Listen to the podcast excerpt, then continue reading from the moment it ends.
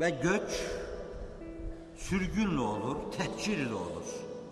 Siz dininizi neşretme, dininizi yayma uğrunda rızanızla göç yapmazsanız, siz ayaklarınızı sağlam bir yere basmak üzere göç yapmazsanız, siz bulunduğunuz yerde yılanların, akreplerin çıkacakları delikleri o göçte göç yapan mübareklerin ikincisinin yaptığı gibi yılanların, çıyanların meydana çıkacağı bütün delikleri tıkamazsanız üçüncü göçü yapma mecburiyetinde kalırsınız. Sürgüne maruz kalırsınız. Tehcire maruz kalırsınız. Yurdunuzdan yuvanızdan edilmeye mahkum edilirsiniz. Yurdunuzda yuvanızda kalsanız bile siz kendi yurdunuzda parya yaşarsınız. Üçüncü yol yok. Tekrar ediyorum, başınıza artacağım.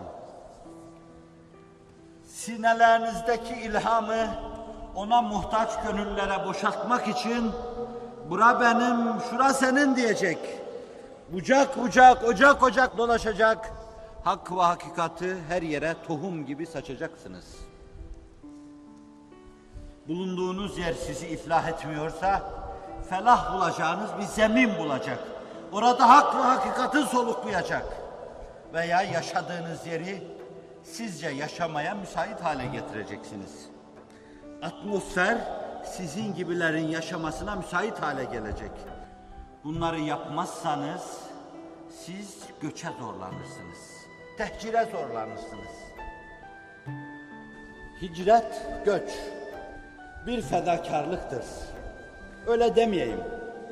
Hem bir fedakarlık hem de sesin soluğun biraz daha gürül gürül çıkması için bir yoldur, dikkat buyurun, bir çaredir.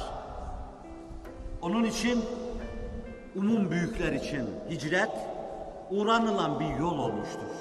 Başvurulan bir çare olmuştur.